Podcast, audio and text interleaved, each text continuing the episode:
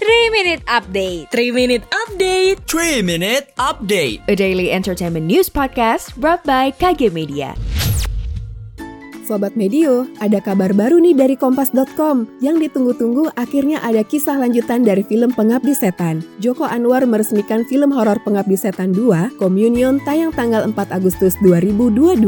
Dan pastinya biar lebih seru lagi, Pengabdi Setan yang kedua ini bisa disaksikan di IMAX dengan sound effect dan layar yang lebih membahana. Jadi gimana nih? Apa kalian udah bisa bayangin sensasi speakernya yang bakal ada di tiap studio-studio? Jadi tunggu apa lagi? Lihat Tara Basro di film Pengabdi Setan 2 kamu bisa langsung beli tiket IMAX hanya di bioskop tertentu melalui MTix atau Tix ID. Buat kamu, para fresh graduates yang pengen tahu serba-serbi dunia kerja profesional, serta hak dan kewajiban karyawan dan perusahaan, yuk dengerin Podcast Obsesif, persembahan Medio by KG Media, hanya di Spotify.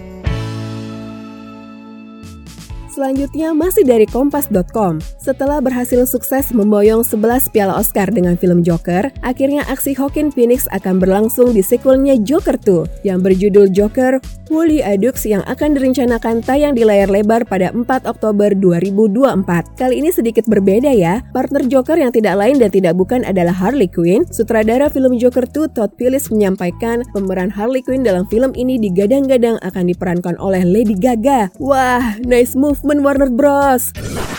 Terakhir nih dari grid.id, setelah Super Junior mengumumkan World Tour-nya, personil Suju, Siwon Choi terpaksa harus absen dalam tur konser di Manila. Setelah September 2021 kali pertama Siwon terkena COVID-19 dan sudah kembali pulih, tapi ini kali kedua dia dinyatakan COVID-19 per 3 Agustus kemarin. Saat ini Uri Opa Siwon menghentikan segala aktivitas pekerjaannya dan lagi fokus untuk penyembuhan dirinya. Sedih banget ya Elf, semoga cepat sembuh Opa. Demikian 3 Minute Update hari ini, saya Maya Eristina pamit. Jangan lupa dengarkan update terbaru lain lainnya.